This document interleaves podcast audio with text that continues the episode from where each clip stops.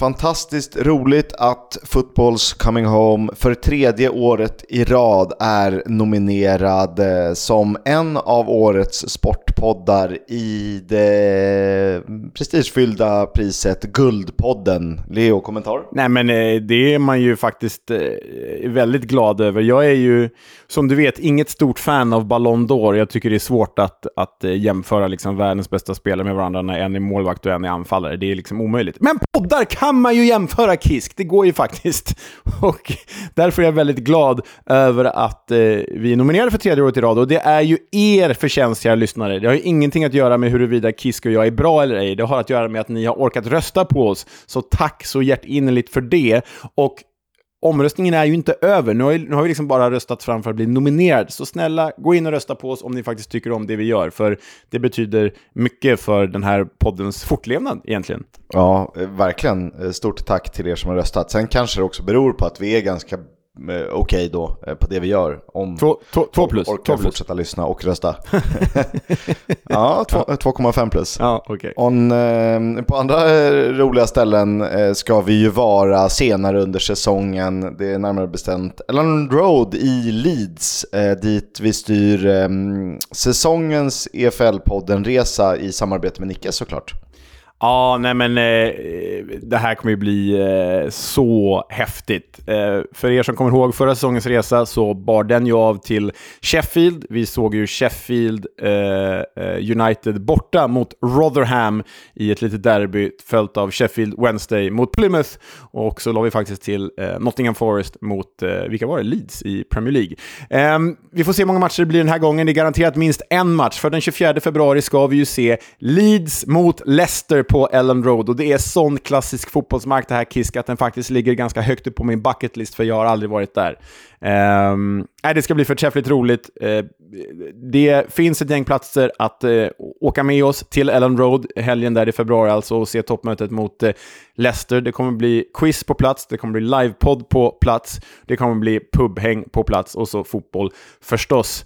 Um, jag är bara, som du hör Kisk, jag är eh, oerhört eh, taggad. Några biljetter har redan gått, det är begränsat antal, så gå in på länken i våra sociala medier eller sök upp eh, vår resa på nickes.com eh, för att anmäla ert intresse där. Det är ju i samarbete med dem som vi gör den här resan. Mm. Sheffield var grymt, jag, jag saknar det lite, men jag tror att eh, Leeds kan nog slå det med ett eller två snäpp. Och sen är ju ambitionen naturligtvis att vi ser fler matcher på plats plats. Och förra året hade vi ett jäkla flyt eftersom vi faktiskt kunde få ihop tre matcher på, eh, vad blir det, två hela dagar. Eh, så att ambitionen är naturligtvis att se åtminstone två matcher och vi är beredda att gå ganska långt ner i divisionerna. Så fasen häng med på det här. Vi, vi snackar och har kul och eh, så hänger vi runt i Leeds med omnejd. Ja, det blir eh, härligt.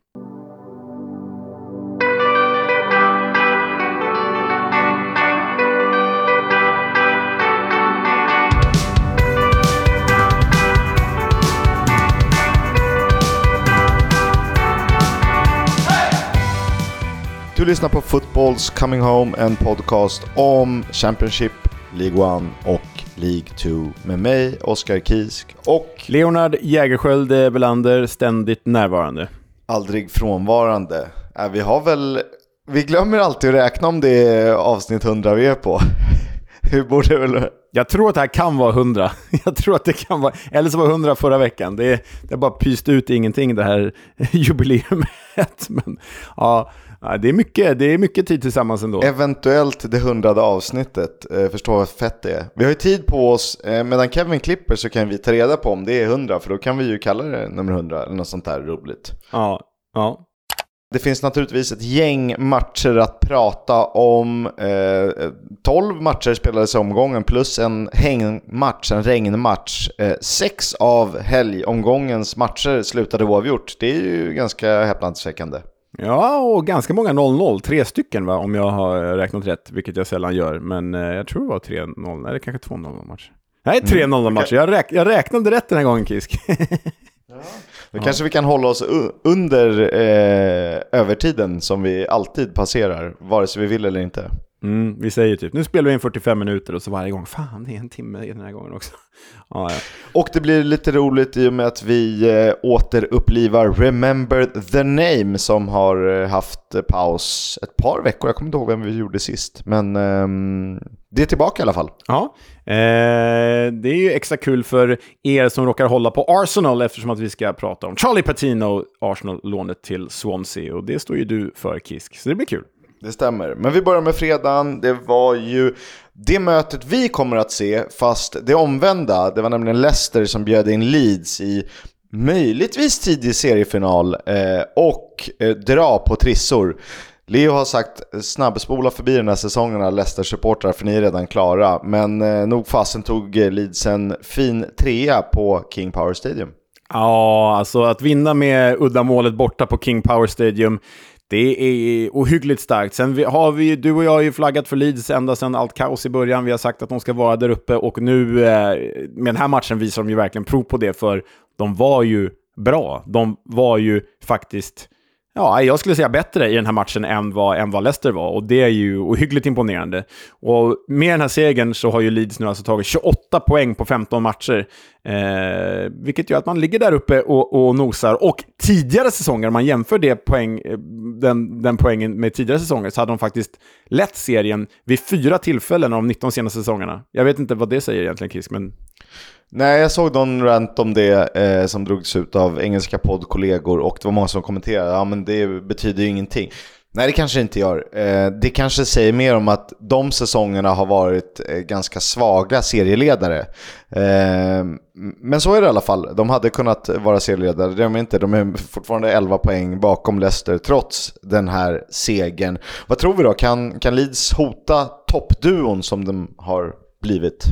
Ja, det är mitt svar. Vi har ju lärt oss att det här är, alltså allt som är före årsskiftet är fortfarande för tidigt på säsongen för att säga någonting. Vi minns ju QPR, vi minns Reading från förra året. Middlesbrough. Uh, ja, exakt. Och, och West Brom och sådär. Så det, mycket kan fortfarande hända. Och min känsla, jag säger fortfarande att Leeds kan snabbspola den här säsongen, för de kommer, uh, eller Leicester kan snabbspola den här säsongen, för de kommer att vinna. Men uh, Leeds som tvåa, det ser jag verkligen inte som omöjligt, för Truppen är bättre än Ipswich, den är bredare än Ipswich, de har kommit igång nu. Ipswich kommer vara jättebra hela säsongen, absolut, men jag tror att de kommer drabbas av sin rätt tunna trupp. Så eh, Leeds 2, det slår jag fast här och nu. Så nu kan vi snabbspola Leeds också. Eh, Leeds vinner ju serien, det sa vi inför säsongen, och vi har alltid rätt. Exakt, precis så.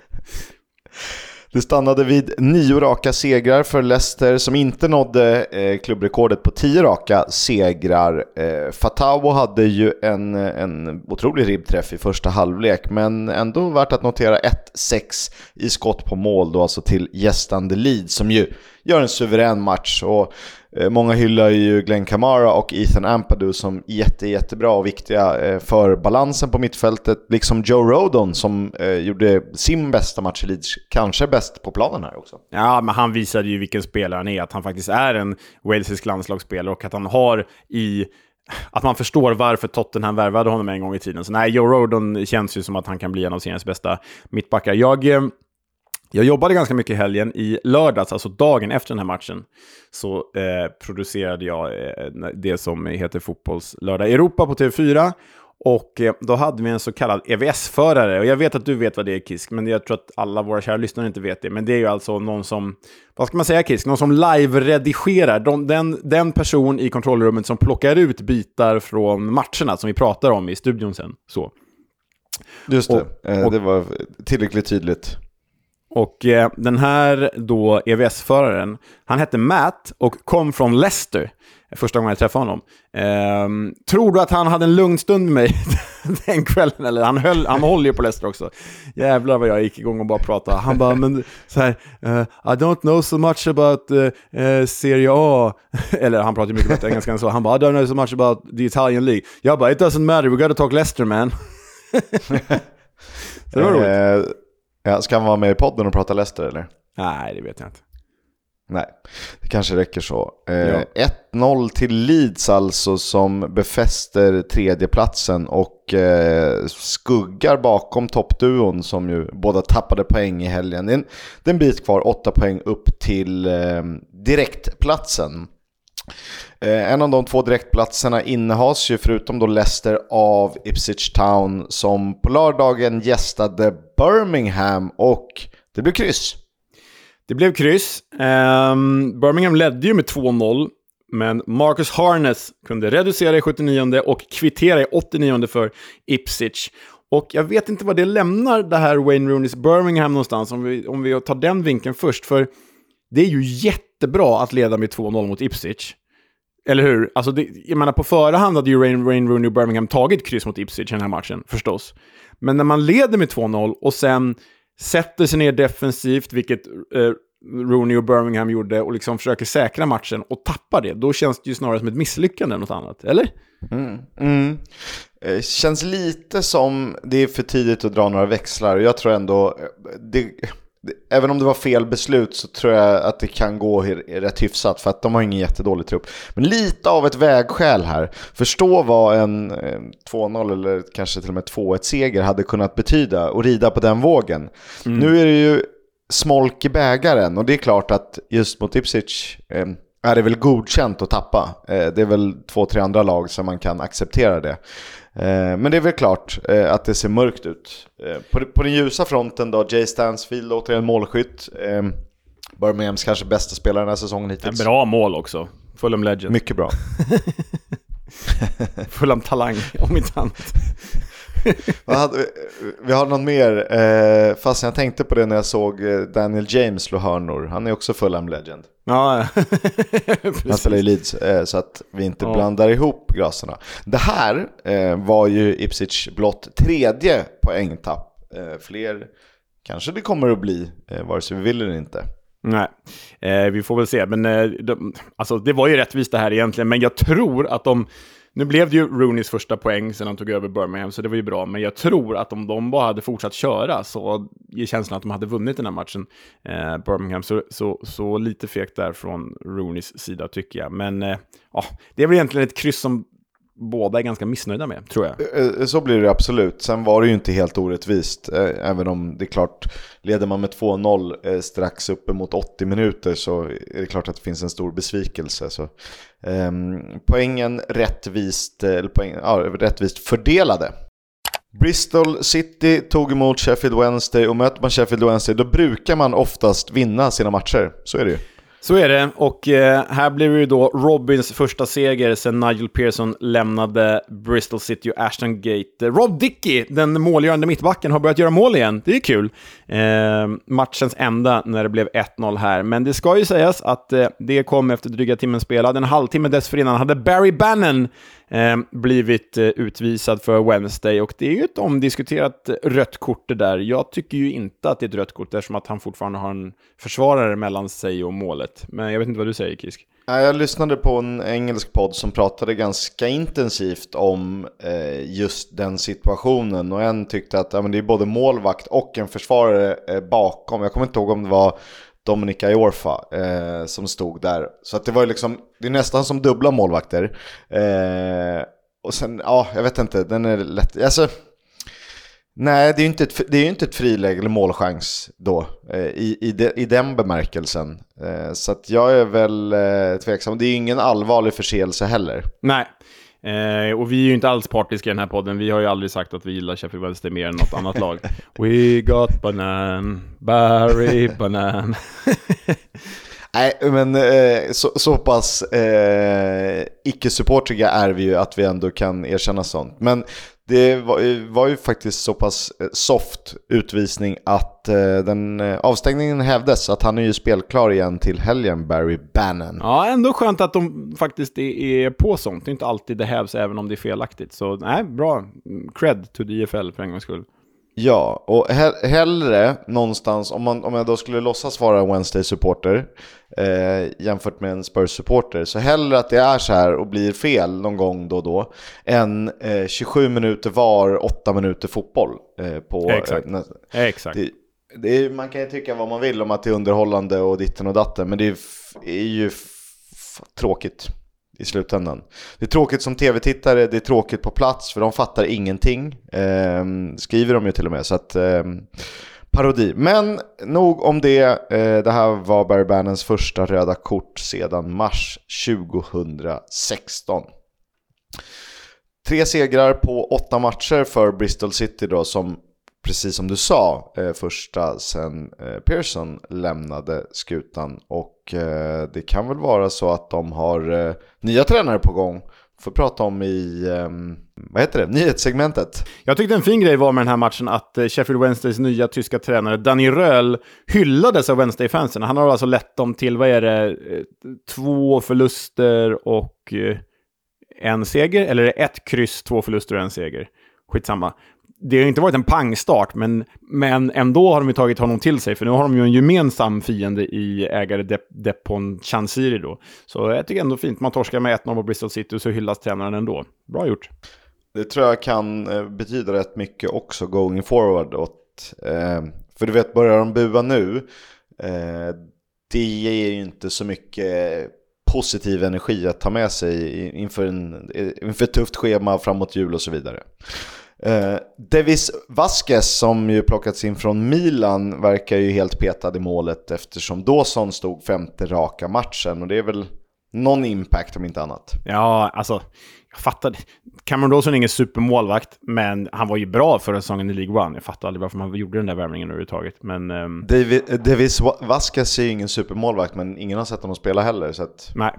Nej, precis. Bättre med fötterna kanske. I don't know. Men kul med Dawson tillbaka. Huddersfield eh, håller sig också som ett av bottenlagen, men de har klarat sig ovanför strecket. Eh, det blev 0-0 när de tog emot Watford. Och jag vet att du sågade mig förra gången jag sa så här, men det här var ju en sån jäkla given 0-0-match på förhand. Ja, men det, det håller jag med om. Lätt att säga här, men 0-0 eh, blev det. Det var typ ett avslut på målet, ett riktigt blött sådant. Eh, Ken Sema spelar från start för Watford, det gillar vi ju. Eh, King Ken är en av våra favoriter. Watford är därmed obesegrat i fem raka matcher, men eh, när jag skrev det i positiva ordalag här i körschemat så svarade du med att de bara har två segrar på de nio senaste. Så jag vet inte, det är nog inte så bra ändå. Nej, det beror på, man, alltså, sånt där går ju att vrida och vända på, men det är klart att det är något form av minimalt styrkebesked att man ändå inte torskar matcher som man kunde göra förra säsongen och eh, i, i säsongsinledningen. Eh, för fortsätter man att vara obesegrade så kommer man ju sakta men säkert äta sig uppåt i tabellen mot en placering där man hör hemma. Ja, eh, exakt. Huddersfield har bara en seger på nio. Eh, det går ju inte så bra även om de håller sig ovanför eh, strecket. Och sen eh, eh ville du lyfta fram en lång jäkel här. Kyle, vad heter han? Kyle Hudlin. Kyle Hudlin. Eh, han startade sin första match för Huddersfield. Eh, och jag la in en bild i körschemat för att visa hans längd. Han är ju 2,06. Eh, vilket betyder att, han kan, att man kan kalla honom fyrtorn. Eh, och han är faktiskt Englands längsta professionella fotbollsspelare. Ja, det är alltså, vad blir det, sju centimeter längre än vad jag är. Eh, och om det är någonting med oss, lång, alltså stereotypen med långa människor är att långa människor är snälla, och det vet jag inte, det får ni avgöra eller inte, men det sägs att långa människor är snälla. Men en hemlig gemensam grej för alla oss långa människor, det är att vi avskyr när andra människor är längre än vad vi är. För det enda vi har är att vi är långa. Och så kommer någon annan som är längre. Så jag känner ju instinktivt direkt att den här jäveln, Kyle Hudlin alltså, han har kommit in i samma rum som mig, då hade jag bara, uff, fientlighet blossat upp direkt. Så du ogillar honom direkt? Det är eh, på ja. tal om när jag satt och letade roliga bilder på oss till ehm, eh, Guldpodden-utmärkelsen så hittade jag den från, som är tagen utanför ett halvsjavigt ställe i, eh, i Sheffield när vi var ute och käkade med Victor Johansson. Och eh, Victor Johansson är väl kanske någon eller några centimeter längre än mig, alltså strax över medellängd. Du, alltså man får, jag vet inte, ska man klippa av pannan på dig eller var ska man börja jobba? Vi får börja köra som i tv, att man står på en sån här pall när man ska ta bild med dig. Ja, nej, men jag är ju lurch i familjefotot liksom. Så är det. Så är det. Eh, Kyle Hudlin kommer ni få se bild på. Eh, kan ju säkert vara nyttig om man kan spela fotboll. Förflutet i Solihull Moors och FC Wimbledon om jag inte missminner mig. Ja, de värvade honom från Solihull Moors i alla fall, det stämmer. Eh, han har typ inte spelat på över ett år känns det som. Nej, han har fått lite inhopp här och där, men eh, intressant karaktär naturligtvis givet längden. Millwall Southampton, var det också en givet 0-1 match eller? Eh, ja, men kanske ändå alltså. Given uddamålsseger slash sent avgörande för Saints i alla fall. Ja, pre precis så. Eh, Ryan Fraser avgjorde med, han har blivit någon slags supersub. För andra gången den här säsongen så avgör han på 90 plus och eh, det är ju ändå, alltså Southampton har ju verkligen hittat rätt. Typ sen vi hade Andreas Georgsson som gäst så har ju de nu alltså plockat 17 av de 21 senaste poängen. Det är ju det är ja, starkt. De, eh, de smyger ju med. Vi har ju pratat väldigt mycket om Leicester. Eh, det pratas ju naturligtvis om Ipswich, givet nykomling och deras fina start. Det pratas en del om Leeds. Eh, det har inte pratat så mycket om Southampton. Och det kanske finns en förklaring. Men nu smyger de med där som, som fyra. Ja, och eh, de kommer ju vara med här hela säsongen. De ska ju vara det förstås. Och nu har de ju börjat sätta det här försvarsspelet igen, och det som vi har kritiserat under Russell Martin och naiviteten. Ja, du vet eh, vad, vi, eh, vad jag menar. Men eh, gör de det så... Alltså, det finns ju såklart potential för Southampton att vara det som vi faktiskt säger om Leeds, att de ska vara laget som, som eh, utmanar Leicester och Ipswich eh, om topp två. Jag är väl inte riktigt lika övertygad om det, men eh, topp fyra är jag tämligen säker på att de kommer vara. Eh, det roligaste med eh, hela den här matchen, tyckte jag i alla fall, var att när det blev limbs och en jäkla massa glädje i den tillresta Southampton-klacken, då såg man ju en riktigt känd profil, en gammal landslagsman stå bland Southampton-fansen och fira som vilken jäkel som helst. Och det var ju James Beattie, Kisk. Ja, alltså... Oh, man blir varm när man hör ett namn som James Beattie, för det här är ju fotbollsspelare man växte upp med att eh, följa, eh, oavsett om man höll på Southampton eller inte. Ja, alltså han är väl, om jag minns rätt så kom han ju, slog han ju igenom i Blackburn, typ fostrad, men han gjorde ju majoriteten av sin karriär i Southampton med Anders Svensson, de åren där med, typ, med, med Gary Megson var det va, och typ Redknapp som tränare. Och vet du vad som är roligt med honom då? Nej. Han är ju precis som Rory Delap en eh, rödvitrandig herre, för han har ju spelat i Saints, han har spelat i Sheffield United, spelat i Stoke. Men ja, inte ja. bara dem. Eh, Delap har väl Sunderland va, också på, eh, innanför bältet. Alltså det, det jag ja det är bra, jag gillar de där spaningarna. Det som är bra med, med det som är extra coolt med Beatty här, att han var liksom var, han bara hängde med bortafansen, det är ju att han är liksom legitimerad IFL-manager. Han har ju också haft Ja, han har haft huvudansvaret till Accrington Stanley för ett gäng år sedan. Och jag tror att så sent som förra året ingick han i Wiggins tränarstab. Så det är rätt kul att en sån jäkel dyker upp och bara firar med, med vanliga Southampton-fans. Det är kul. Han har en jävla massa sköna eh, assisterande uppdrag.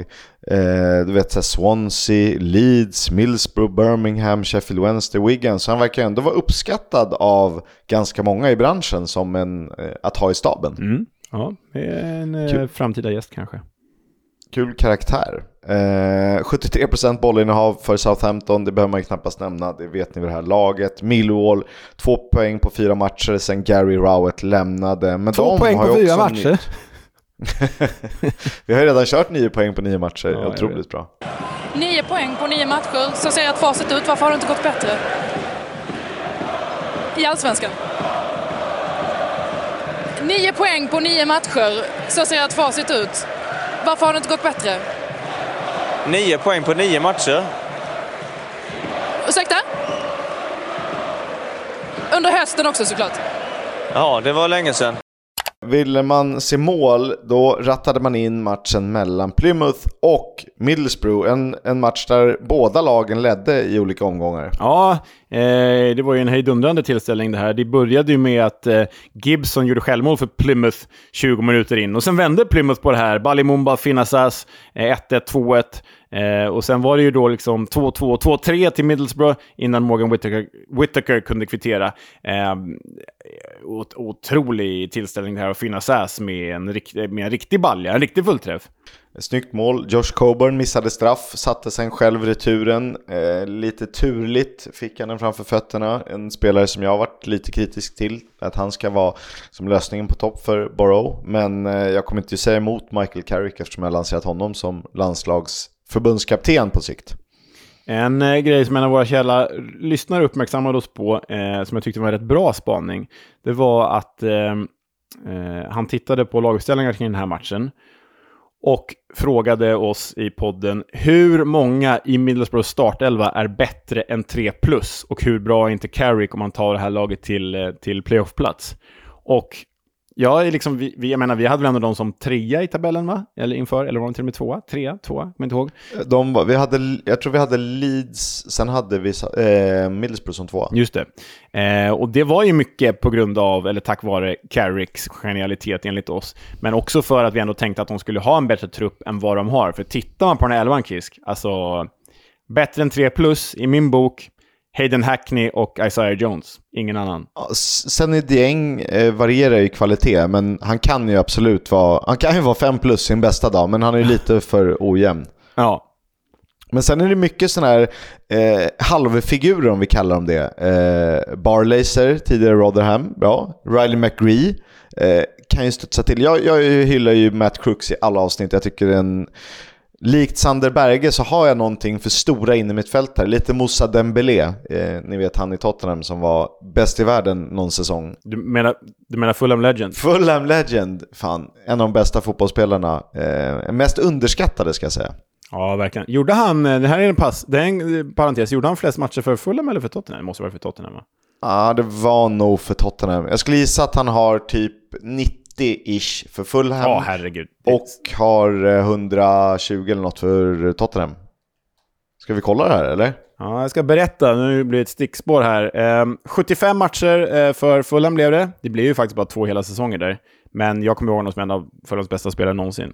Och i Tottenham blev det 250 matcher. Jäklar. Så, ja, är ju faktiskt mer Tottenham Legend än, än Fulham Legend. Ja, otrolig fotbollsspelare.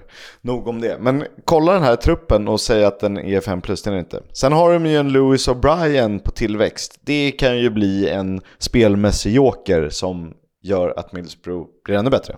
Verkligen. Eh, PNI är ett av de andra lagen som eh, kryper med som playoff-utmanare och de vann igen efter ett par tuffa matcher och de vann sin 2000 ligamatch.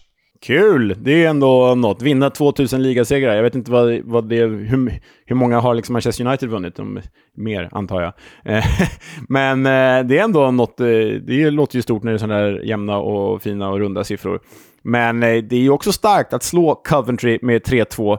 Och framförallt var det ju Prestons första seger på sju matcher. Mm. Eh, otroligt viktigt att vara på vinnarspåret igen. Eh, tufft för Coventry. Särskilt eftersom Haji Wright eh, dök upp och gjorde två påsar den här matchen. Vi har ju efterfrågat en anfallare som gör målen för Coventry. Det var det som har saknats när det mesta andra har funkat rätt bra. Och så släpper de in tre mål. Jag såg någon statistik på liksom eh, värst XG bland anfallarna i Championship. Och alltså, eh, de tre Coventry-anfallarna, eh, hjälp mig nu, Ellie Sims, Haji Wright och eh, Matt Godden, de låg ju på topp fem alla tre. I, i, alltså topp fem i att vara sämst på XG. De, de har ja, tvärtom, då blir man ju botten fem. Du fattar, man, de är väldigt dåliga på att göra mål. Bra förklarat det här blev. Alltså, mi, eh, pratar vi minst effektiv? De har skapat, eller de har kommit till lägen men inte förvaltat dem. Ja, exakt så. Precis. Bra. Eh, här gör han då två riktigt fina måltjuvsmål. Ser man inte alltid eh, så ofta längre på det sättet. Domare Anthony Taylor nedflyttad från Premier League eller belönad med att döma Championship, hans första match i andra divisionen på, tju- sedan 2019. Ah, det här måste vi fastna vid, för det här har ju blivit en snackis. Alltså Anthony Taylor har liksom då inom citationstecken straffats då för dåliga insatser i Premier League och då fått åka ner till The Championship och döma den här matchen. Det han gör här är att han dömer ju en straff till PNI som är helt jävla horribel. Har du sett den här Kisk? Eh, ja, det är klart jag har sett den. Alltså, det är, det är Milton Osmajic, heter han Milton i förnamn? Eh, Eh, Mil, eh. Milutin. Mil, exakt. Med Milutin Osmajic som liksom kliver in med sin stora eh, eh figur in i Coventrys straffområde. Bakom honom finns McFadsin. Eh, McFadsin råkar typ snubbla och råkar toucha Osmajic med två fingrar. Osmajic får skjuta, skjuter utanför, tar två steg till, snubblar sen av sitt eget skott, typ. Alltså att han vrider upp kroppen i skottläget. Osmajic tror inte att han ska få straff. Förväntar sig det inte. Anthony Taylor dömer straff. Och Osmajic, man ser typ att Osmajic är så sjukt förvånad själv över det här. Får straffen, Alan Brown sätter den. Nu är det då klart att Anthony Taylor, som då flyttas ner till The Championship som straff, som får döma den här matchen, dömer fel. Han ska döma Chelsea-Manchester City i helgen i Premier League. Oh. Va? Ja, det... Man förstår inte riktigt hur det där fungerar, systemet. Det är inte glasklart alltid. Nej. Nej, det är det verkligen inte. Det är inte Men glasklart. snart, snart Men- har vi inga domare på planen utan vi har fyra robotar som springer runt och så är det VAR-rummet Ja, det är som värre. bestämmer. Så Det sitter de där och röker hasch och dricker eh, grönt te. Ja, det är såklart värre. Eh, Coventry, det var deras fjärde raka förlust och eh, hur oroliga bör vi vara? Kiss? Ganska, men spelmässigt det man har sett, jag är inte särskilt orolig. Jag tror att det handlar om tålamod och här eh, i vikten av en bra tränare som kan gjuta mod i truppen och liksom fortsätter de trycka på så, så kommer det komma poäng. Och eh, ibland kan det ju ha med, med spelschema att göra också, att man är i en tuff period och det är taskig timing. Vad möter de här näst? Stoke, Millwall, Plymouth, Ipswich, Birmingham. Ja, men kan de vinna de tre första så är det ju ett helt annat eh, Coventry vi får se. Men det gäller att vinna de matcherna också. Ja, de låg alltså sist i december eh, förra säsongen, slutade i playoff-final. Det ska man ha med sig också. Att, eh, de, de kan vända sånt här. Coventry har ju, om vi pratar statistik mot P9, har de inte vunnit på Deepdale på 22 raka försök. Det är ju eh, sinnssykt, som de hade sagt eh, på andra sidan sundet. Yasin Ayari spelade första halvlek, sen utbytt. Jag har inte sett något om en skada, eh, men ni upplys oss. Bottenmöte, ångestmöte mellan Rotherham och QPR. Och det var första matchen för nye tränaren in från Hammarby, Marti Cifuentes. Ja, och han eh, skickade ju tydliga signaler direkt. Matchen slutade ju 1-1 efter mål av Georgie Kelly och Elias Chair.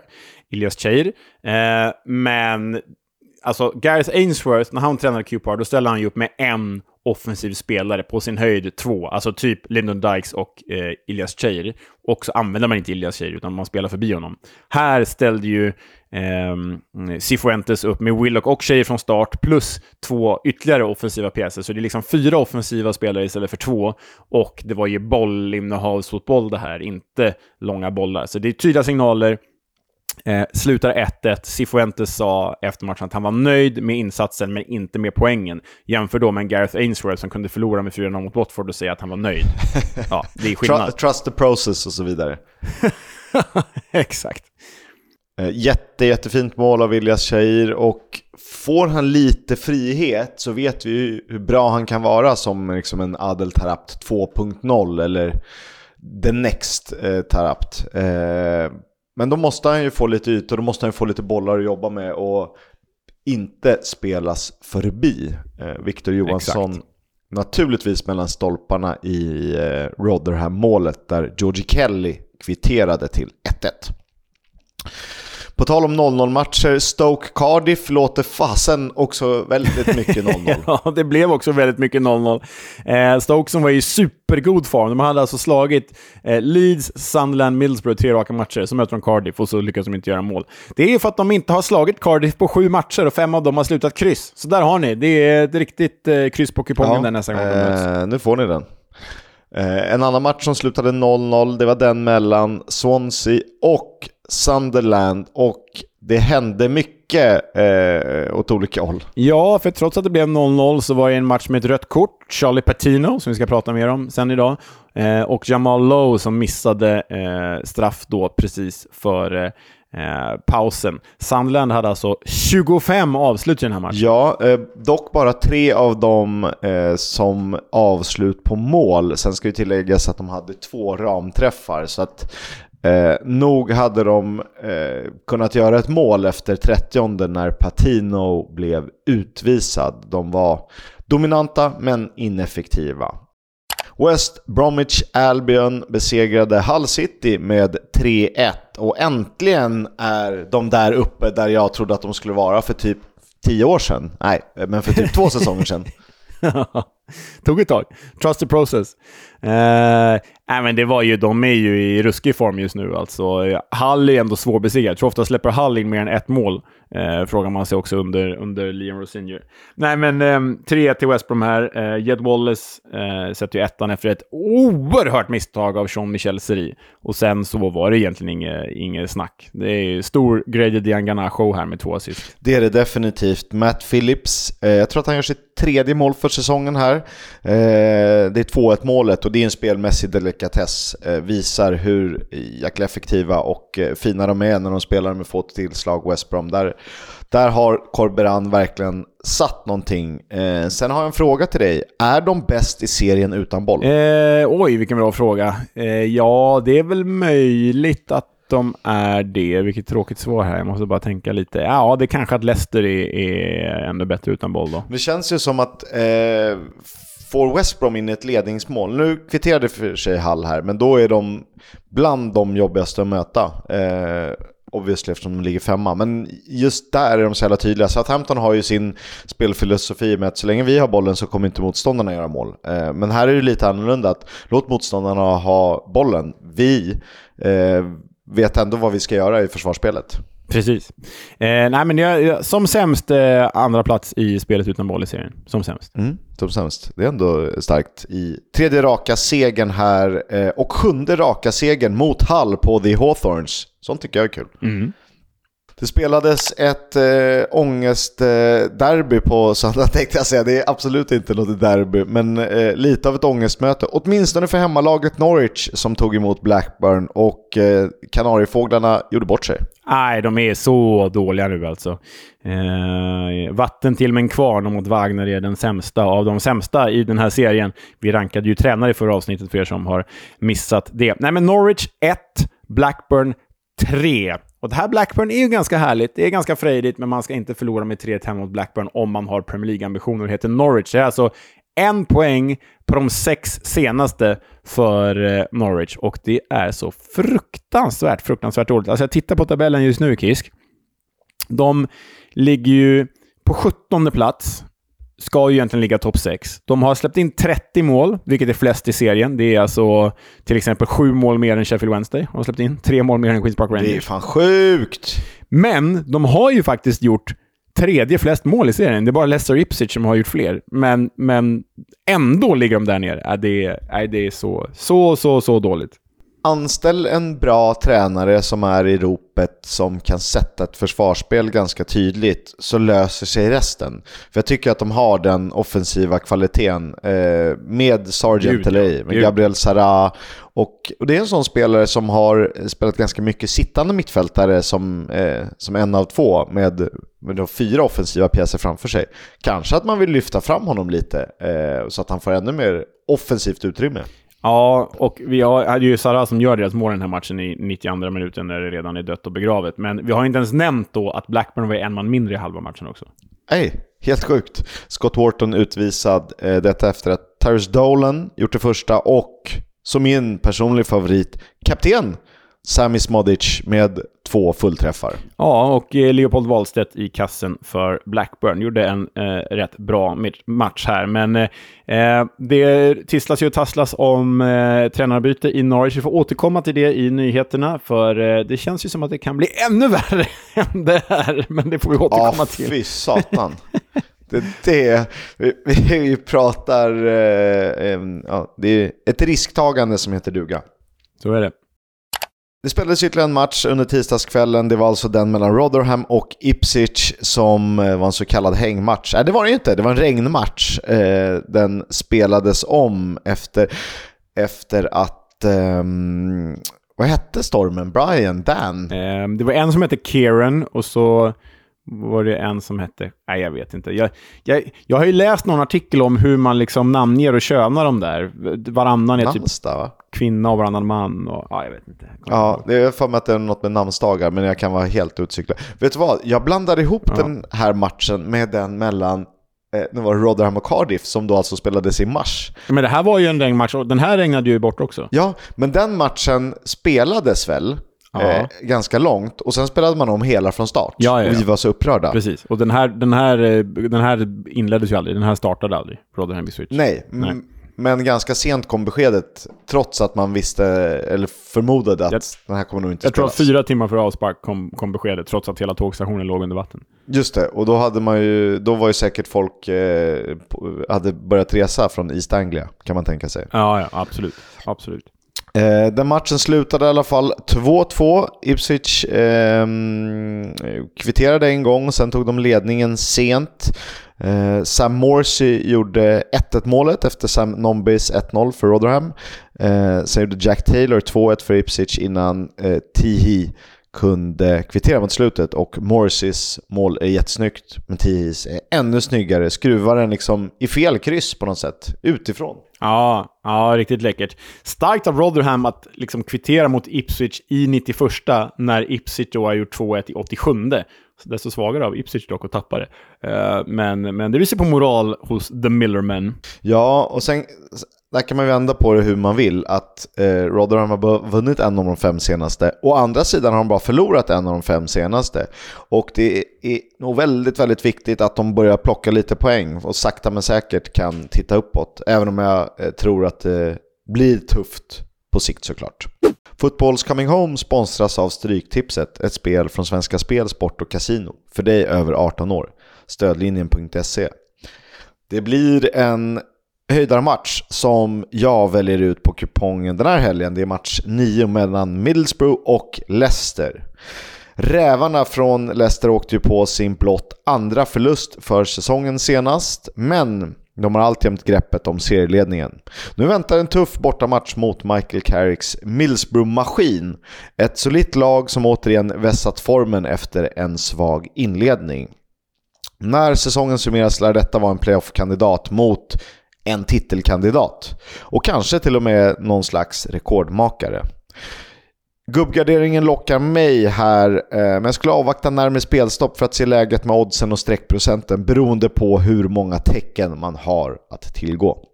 Leo, vad ser du på horisonten?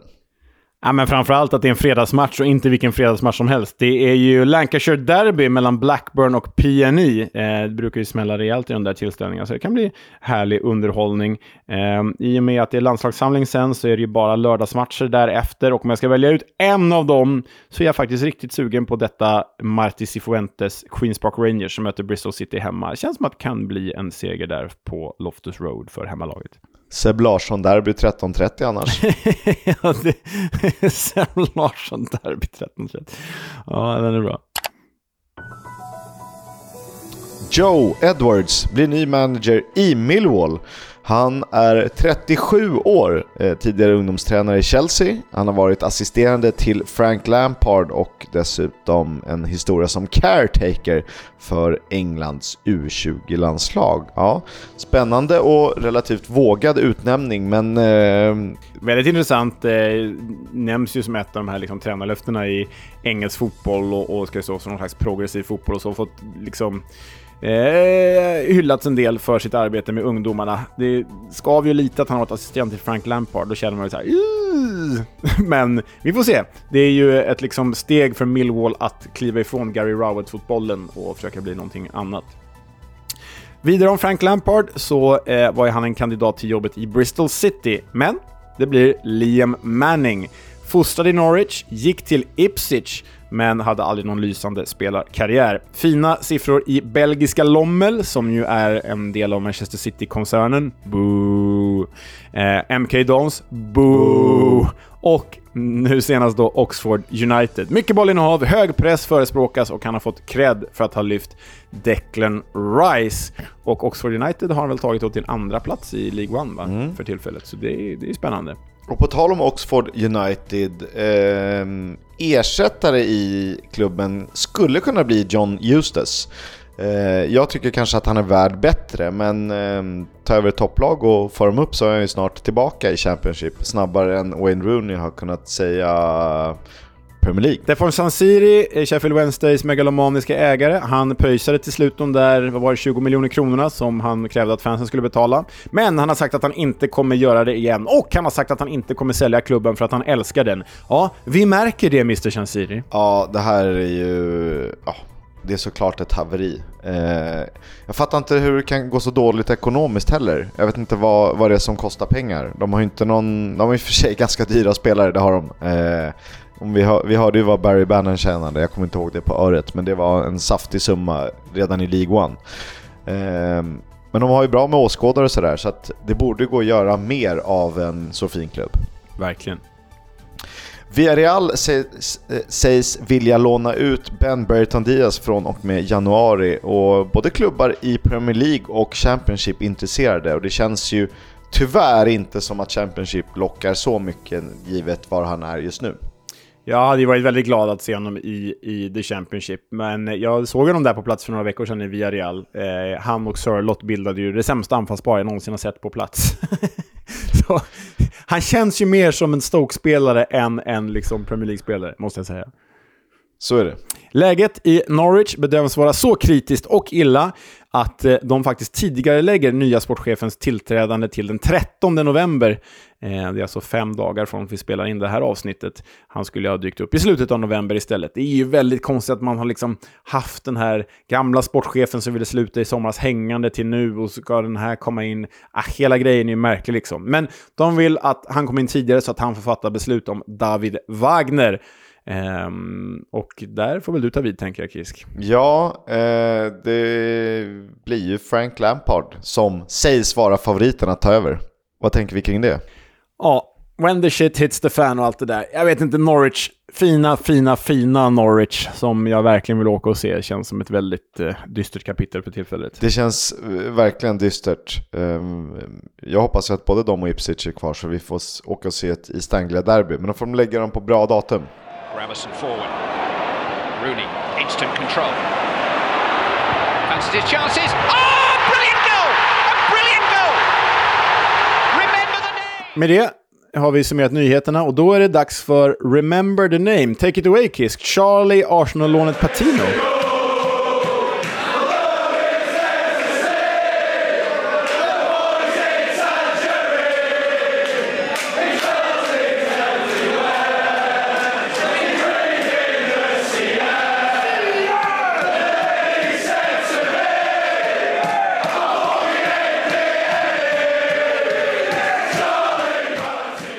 En otrolig ramsa som ju tog sig ut förra säsongen när dagens huvudperson representerade Blackpool. Nu är Charlie Patino utlånad till Swansea och det är lite trist att Swans bara snott grunden av ramsan och bytt ut detaljer. Men men. Charlie Patino, eller ska vi säga Patinho? Pappan är ju trots allt spanjor, eller galicier om man så vill, och eh, familjen där supportrar till Deportivo La Coruña. Charlie Patinho är dock född och uppvuxen i Watford, alltså strax nordväst om London. Fotbollsfostran får han i St. Albans City, men framförallt i Luton Town, där han tillsammans med en exceptionell talang lägger grundstenen för karriären. Och enligt min research är familjen också supportrar till Luton än idag. Och det är just Luton som han utmärker sig och blir upptäckt av Arsenal. Han är alltså blott 11 år när scouten Brian Stapleton ser honom för första gången. Och det slutar ju med att han värvas för 10 000 pund. Samme Stapleton har sedermera sagt “The best kid I've ever seen” om Patinos talang. Patino var bara 14 när han tog plats i U18-laget. Året därpå spelade han regelbundet i juniorlandslaget. Han har representerat England i U15, U16, U17, U19, U20 samt numera i U21-sammanhang. Den 21 december 2021 möter Arsenal Sunderland i ligacupen. För övrigt ett EFL-podden-kompatibelt Black Cats med Pritchard, Gooch, Dan Neil, Ross Stewart, Nathan Broadhead och Benjamin Kimpioka in från bänken.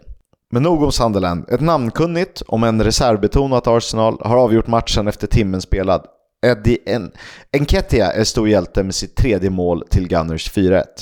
Men det är ändå en inhoppare som lyckas stjäla en del av stjärnglansen på Emirates denna vinterkväll. Pepe is onside. Oh, and it's another beautifully worked goal. And it's the youngster Charlie Patino off the bench. What a moment for him. Excellent finish. Really composed. Gave the goalkeeper no chance. Framspelad av Nicolas Pepe styr Charlie Patino in 5-1 på stopptid och en av rubrikerna som används efter matchen av The Guardian. Remember the name. Är det sant? På riktigt? Ja, Kul. så är det. Patino får ytterligare ett framträdande under säsongen när Arsenal gästar Nottingham i den tredje fa Cup-omgången. 69 minuters speltid i 0-1-förlusten som blir en tuffare uppgift för talangen. Men lovorden har trots det haglat över honom. “The best player who has ever walked through the doors at Hale End”, säger Sean O'Connor, Arsenals dåvarande head of scouting. Säsongen därpå, alltså 2022-23, den förra, blir utlåningen till Blackpool och det är här vi får upp ögonen för honom. Inte bara på grund av ram ramsan. Men ganska mycket bara. Egentligen. Givet sitt spanska ursprung nämns Santi Cazorla och Cesc Fabregas som de två stora förebilderna för Patino. Inte heller särskilt konstigt med, att, med tanke på hans position och spelstil där rollen som nummer åtta på mittfältet är den föredragna. Han har dock kallats “the next Frankie de Jong” givet likheterna på planen. Redan i september 2022 är Patino en given figur i Blackpool, även om det blir lite in och ut ur startelvan i säsongsinledningen. Den 17 gör han sitt första mål förgäves när Blackpool faller på The Den. Men därefter finns inte mycket som hindrar honom från att starta på Tangerines mittfältet. Den otroligt välpolerade vänsterfoten ska visa sin vikt i guld när Blackpool gästas av PNI i det laddade derbyt.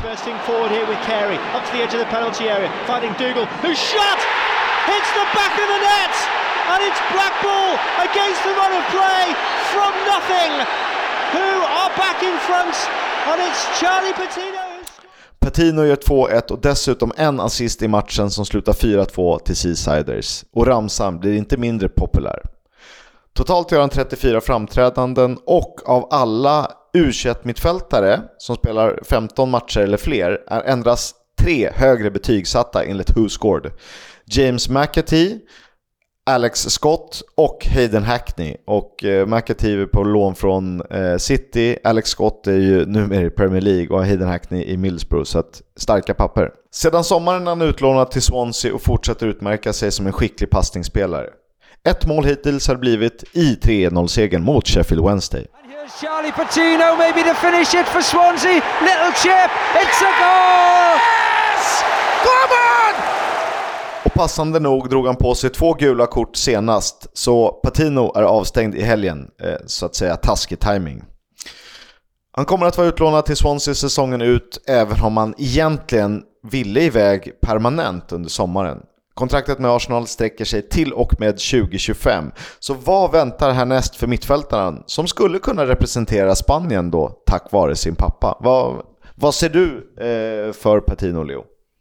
Nej, men alltså jag, jag tycker att det här... Han är inte så här supersjälvklar Premier League-spelare i vardande som, som eh, typ Taylor Howard Bellis liksom. Men jag tycker ändå att man ser god potential och kvalitet här. Hade gärna sett honom i ett lite bättre lag än både Blackpool och Swansea. Alltså jag hade gärna sett honom i ett... Eh, Ja, men typ du, sätt in honom i Ipswich. Där hade han gjort kaos, för att citera någon annan. Men det är ju faktiskt så att italiensk press skrev ju så sent som igår att AC Milan jagar Charlie Patino. Och då får man väl anta att det här Ja. är på riktigt. Ja, Liksom. det är, på riktigt är han ju. Nu handlar det bara om att eh, omvandla talangen och skickligheten eh, på planen och göra det på en något högre nivå än ungdomsfotbollen.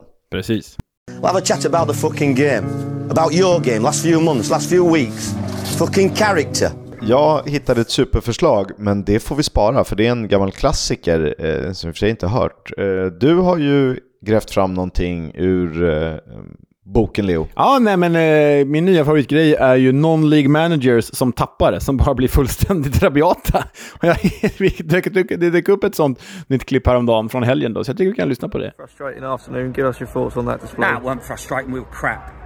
First half, pathetic. Bunch of losers. Uh, didn't want to work hard.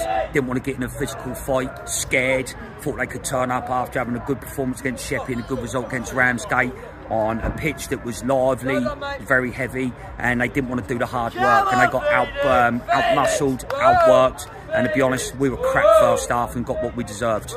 You think it was more positive display in the second half? No, not really. Just huff and puff. Nothing really positive about it. My centre forwards could still be out there till training on Tuesday. Won't hit the target.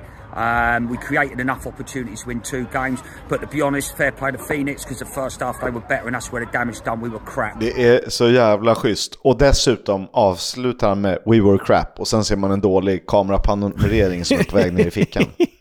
Alltså, Nej, man önskar ju att eh, eh, de här, den här typen av tränare kunde ta sig fler, den här, fler typer av sådana här tränare kunde ta sig högre upp i systemet. Alltså, oj, oj. I thought we were crap. ja, det är bra. Jag tror kanske att vi landar under timmen och det vore ju helt eh, fantastiskt eh, effektivt i så fall. Nej, det gör vi inte för vi klipper in massa länkar och grejer. Ja, just det, vi är tramsiga farbröder. Men eh, vi påminner återigen om rösta på Guldpodden om ni vill. Tack för att ni nominerat oss. Och resan till Leeds. Leeds, Leeds have fallen apart again. Och så vidare. Ja, det blir, eh, det blir fantastiskt. Eh, Följ med till Ellen Road för eh, dit ska jag. Ska nog köpa en tröja också. De har riktigt snygga tröjor den här säsongen. Ja, ganska. Jag ska köpa nå- någonting. Eh, kan bli mössa. Men det är svårt att gå runt med Leeds. De är ju... Alltså Sheffield Wednesday blir lite oförargligt i, i sammanhanget. Samma med QPR. För det är ju inte... Så, men Leeds är ju svårt. Jag går inte runt med Leeds-merch. Nej, de är lite för stora, ja. Så är det. Ja, de är lite för stora. Eh, vi får hitta en lösning. Kanske se något annat roligt lag. Tåga till Blackpool hade varit magiskt. Jag älskar Blackpool. Nej, men följ med oss, eh, skämt åsido, följ med oss till Ellen Road. Det blir fantastiskt roligt förstås. I ett möte som kan avgöra vem som faktiskt kommer vinna den här serien. Tack för idag. Hej, hej!